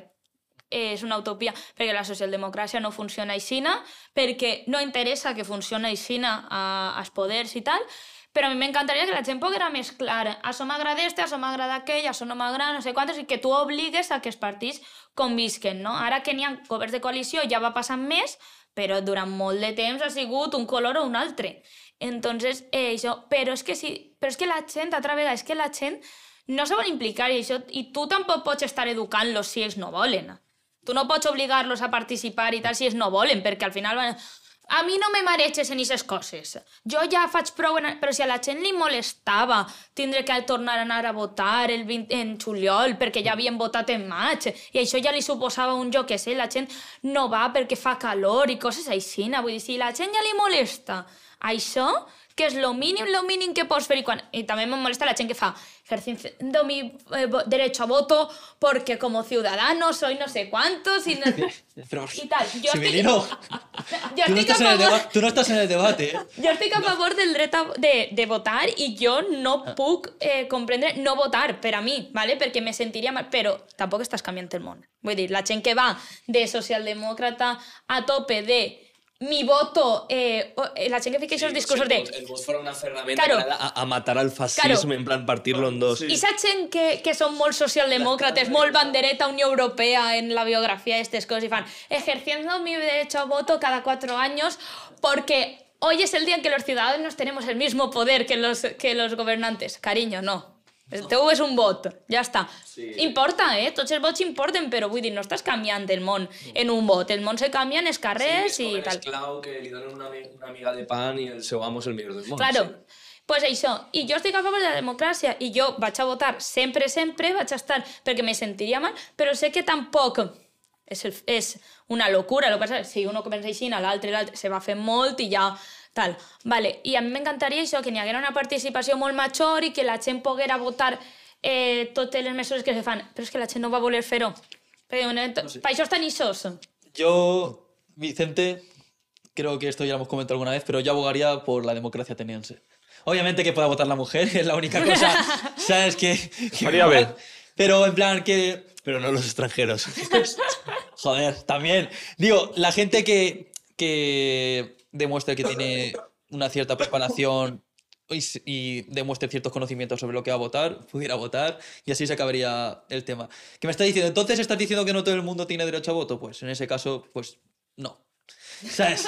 Quizás me estoy metiendo en un meollo, pero... Això és un tema que en, en, prou- Claro, si, no, si no demuestras preparación, tío, pues no votes. és un tema que molt Ah, veure, comú a... A vot, jo penso que tot el que tindre dret a vot. El que no Però té jo- que tindre dret és que estiguen tots els partits.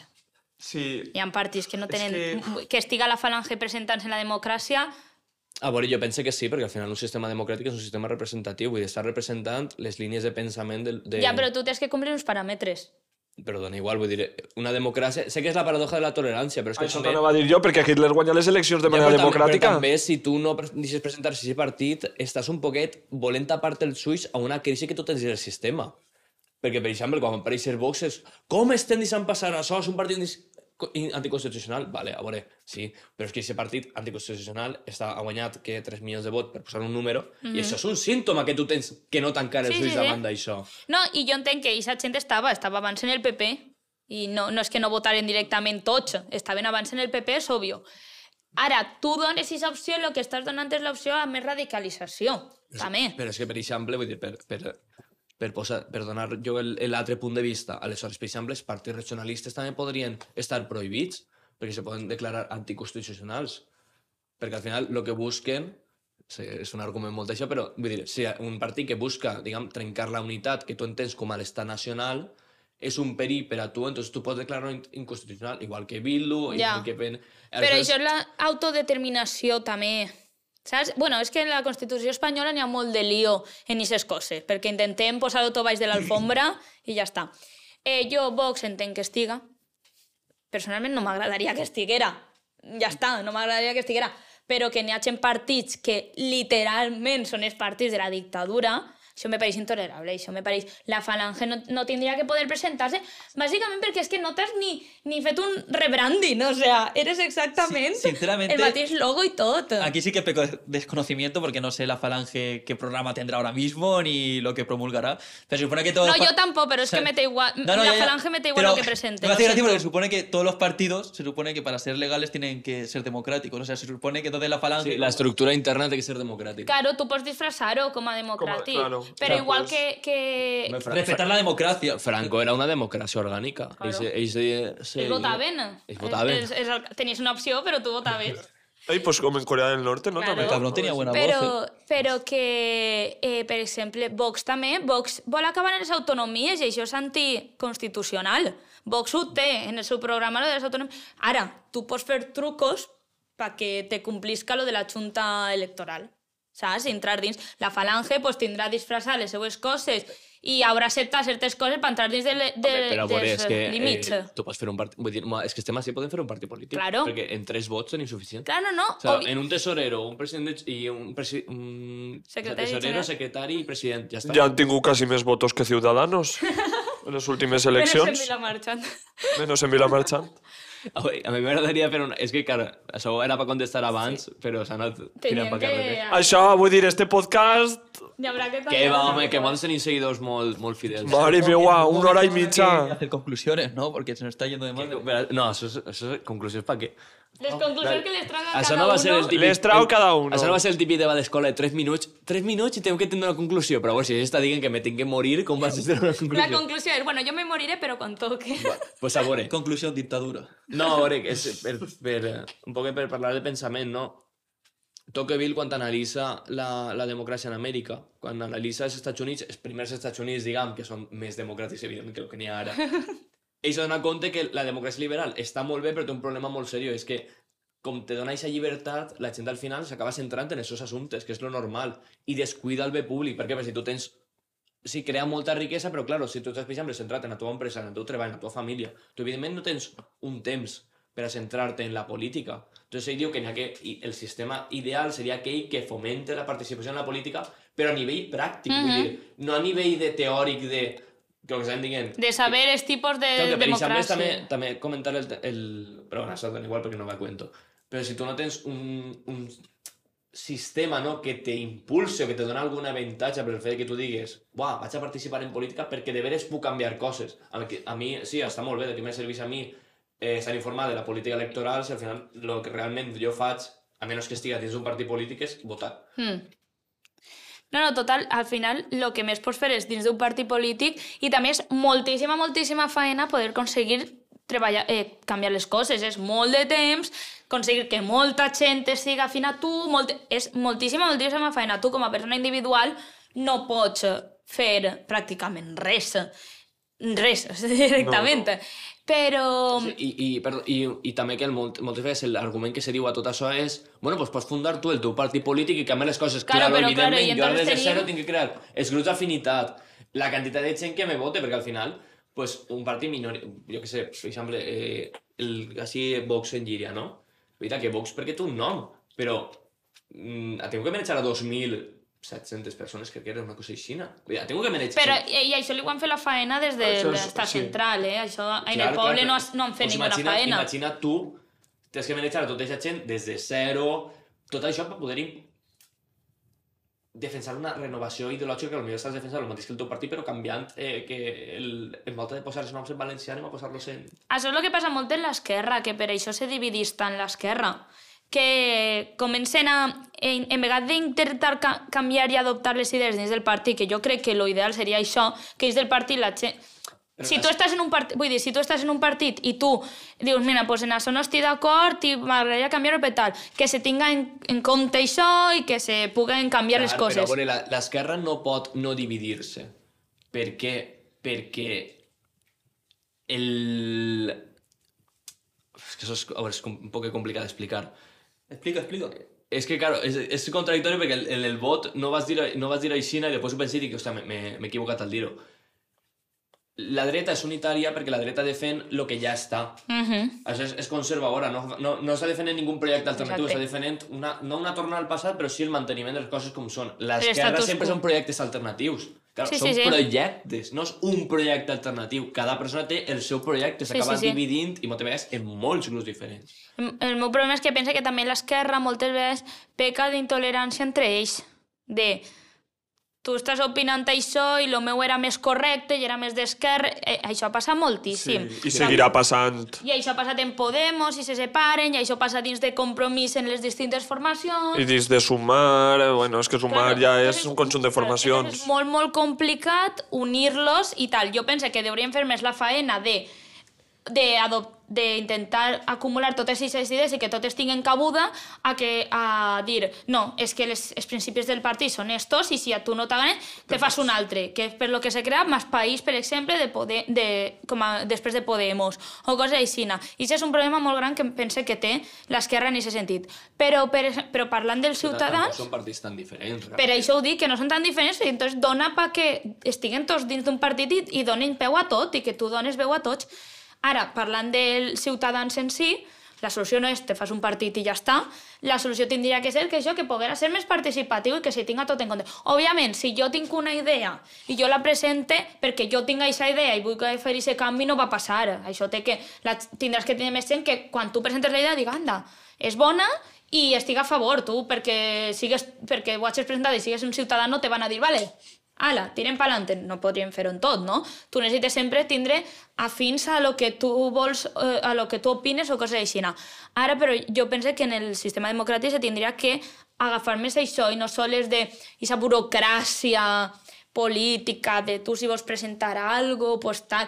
No, tindrien que fer-se més assemblees en els pobles, damunt en els pobles, que és més fàcil, més assemblees populars, més això, més... Si n'hi hagués associacions, les associacions poden presentar els projectes, tot això. Però per això també tens que crear una burocràcia darrere per a recolzar, vull dir, perquè tu pots tindre una idea, però tu la millor de gestió d'Ajuntament no tens ni idea. No, totalment, té que haver una burocràcia, però dic jo una burocràcia que funcione i que no lo que no a nivell, faig... no a nivell dels partits, no a nivell Sí, sí, administratiu. però una burocràcia que funcioni i que tinga la intenció de que això vaig endavant, perquè moltes vegades la burocràcia l'únic que fa és relegar-te pa que tu al final t'entreperea i no ho facis, saps? Hi ha moltes vegades que està fet aposta perquè se to, a tu se t'acaba Sí, com un olvidant. mecanisme de control. Claro. no? Entonces, lo ideal seria això. Ara, també, eh, això se pot educar des de, des de l'Estat o des de les administracions? Sí. No interessa moltes vegades perquè al final qui mana són coses molt més grans que la, que la política, també, i per això no passen aquestes coses. Però és que també la gent no està molt per la labor, no podem fer que... És que si l'administració tinguera més... Ja, però és que si la gent no dona la idea... Perquè aquestes coses han passat, en la història han passat, però per això se necessiten mm, revoltes, necessiten eh, la, que la gent s'implique de veritat per dir-ho i per, en en bar i ja està, si tu no vas a fer res i tu, o sigui, sí, però bueno, això ho diguem així, però eh, no, no tinc temps, me dona perea. Sí, que des, des, pro, des, que des de les una- pròpies associacions que diuen voler canviar-ho realment no tenen ni intent. I que les persones individualment, per molt que vulguin, que diguen és que mos tindrien que deixar participar més, vale, pues intenta-ho. Intenta, intenta fer-ho, però per dir-ho no, va, no va passar. No. És, altra vegada, vull participar més, però que m'ho arreglen, saps? Vull dir, la gent ha de tenir la seva consciència i la seva implicació, que així no és com s'han format totes les coses. Tots els partits nous i com han arribat. En compromís ha passat, en iniciativa, si no se menjaven un rosco, poc a poc, poc a poc, després se crea compromís, no se menjaven un rosco, no se... i han passat més de 10 anys hasta que ha, ha calat això, no? Entonces, Sí, això... però a calar, però, bé, pues l'exemple, no? A calar, però si sem, és, prota- és minoria, és un partit pilón. Sí, no, però ha calat, no? És, a, a, sí, a, la primera força sempre va ser el PP. En Ah, Espanya sí, sí, i en sí, tot. No, però no me referís que a nivell de... Com, com despreciant-lo, vull dir que en el nivell de que no, funda un partit per canviar les coses, no és tan senzill, saps? Vull dir, després de Claro, 10 claro. anys... ah, Després de 10 anys encara no eres del més perquè els altres duen molt més recorregut. Tu no pots I lluitar recursos contra i més el. PP i el PSOE perquè tenen moltíssim això. Però mira, dins del poble s'ha aconseguit. Dins del poble s'ha aconseguit. Eh, Compromís ha superat el PSOE. Que el PSOE és el partit... El PSOE du existint des de la república.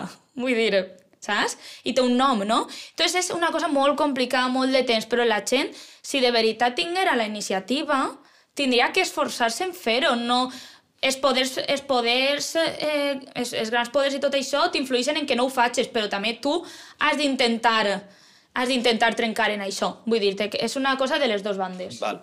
I això ja per, un poc per finalitzar l'últim tema, que ja que vosaltres esteu dins, bueno, dins de lo que cal, no? Heu, tocat el que és la vida política del poble, quina és la vostra experiència, bueno, que això crec que ho heu comentat en, en lliga al detall, eh, quina és la vostra experiència en, en la posició del poble? O sigui, en la gent, la, la, la l'oposició. crítica de la gent, tant, tant d'oposició de partits polítics com de la pròpia gent del poble.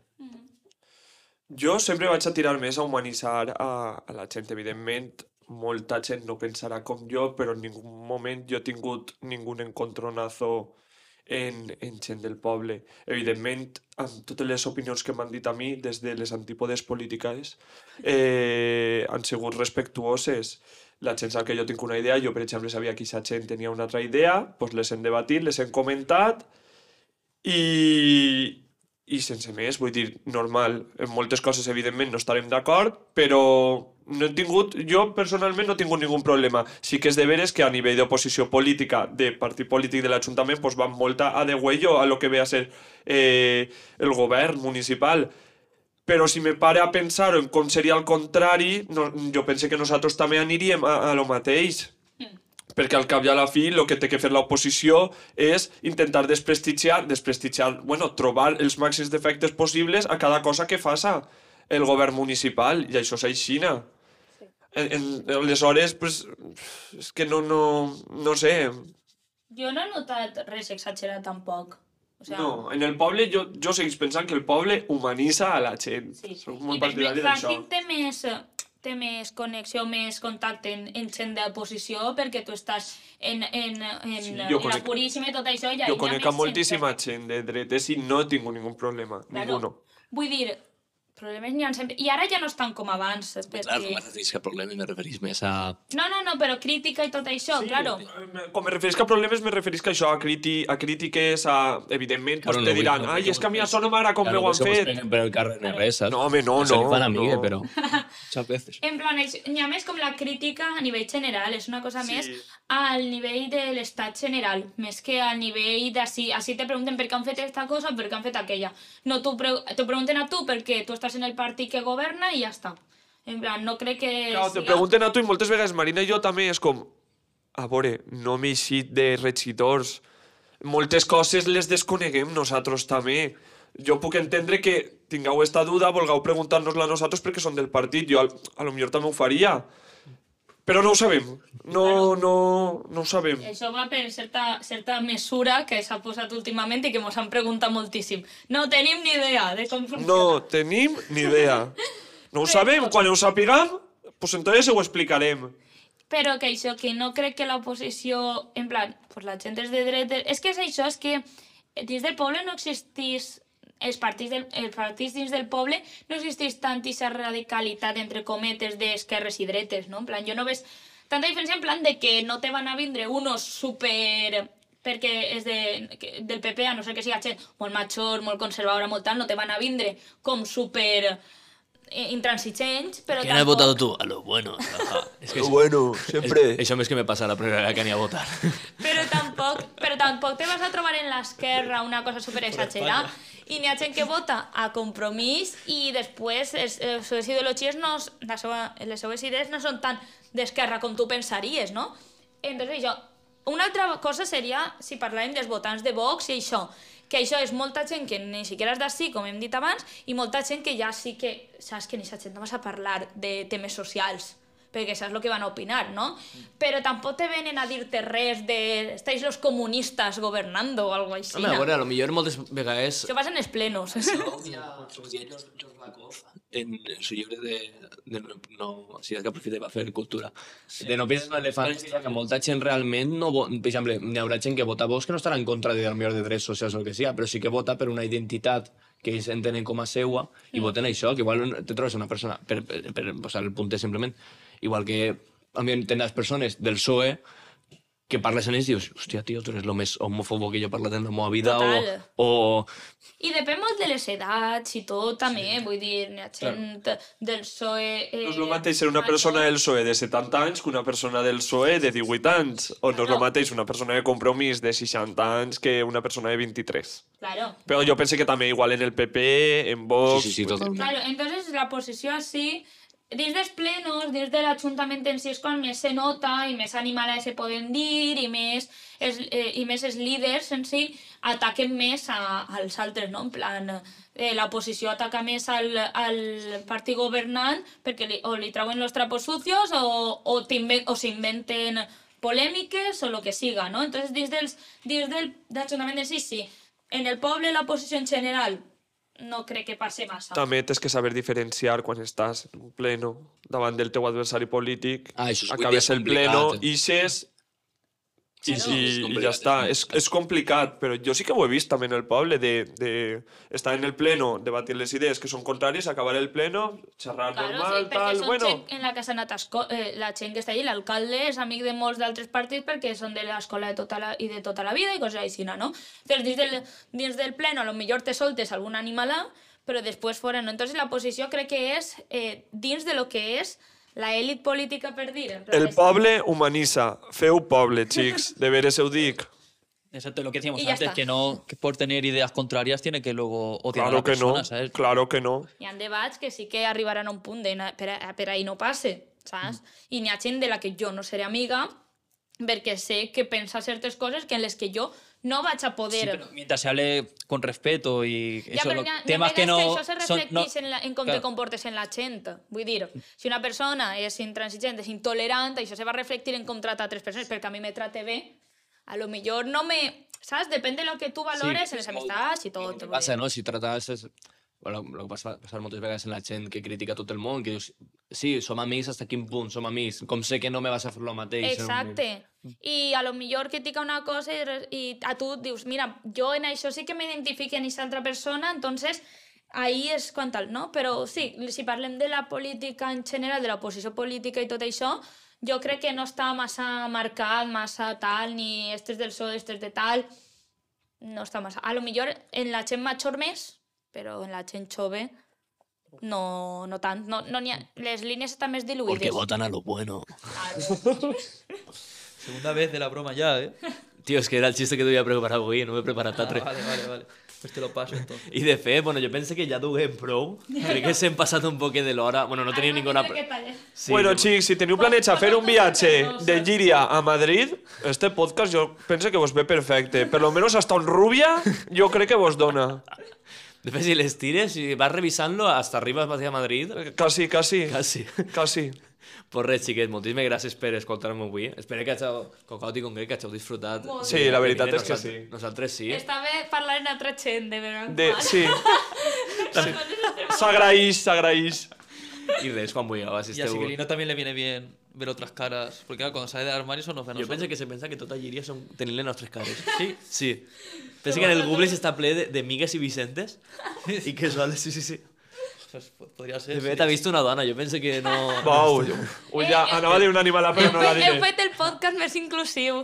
Sí. Teniu col·lectius. Hem deixat de És ser... de veres, ja veus! Hem, de, hem deixat de ser un podcast hetero...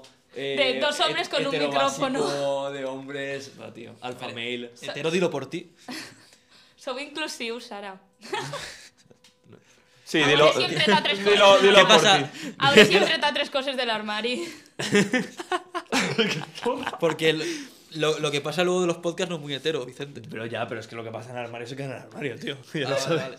Pues ya Però això, que ara, No, home, no, ara en el armario no se queda res. Ara és més inclusiu. Això és com si s'haver ajuntat el eh, The Nude Project en la pija i la kinky. Bo, bo, bo, bo, bo, bo, Sibilino está contento. Los niños sonríen para él hoy. Por res, chiques. ¡Bo! Mira. Felicitats, kinky! Felicitaciones, que Que no- tengas un no hermoso día. voz, ¿no? No creo, ¿no? No serà capaz. Bueno, va. Bueno, vamos- xiquets, tallem ja. Ara, ja Moltíssimes està. gràcies per vindre. Qualsevol moment que vulgueu. Miguel, no té que dir su frase. Sí, sí, sí. Home, espera, Ah, espera, vale. Espera, espera, espera. espera Perdón, espera. perdón, me he adelantat, me he adelantat. Pues res, anava a dir que quan vulguin que vinguin, però que si no voleu, que no passa res, eh? Ja està. Sí, sí, sí, vull dir, a mi me torneu a O sea, convidar. no, nosaltres hem gastat així dos milions d'euros en este estudi de gravació espectacular. És un estudi magnífic. Patrocinat. És el, calen el calendari d'Adviento Patrocinat per, patrocinat per el Ford de Mariví, el Pla de l'Arc, així, sempre apoyant el comerç local. y ser felices.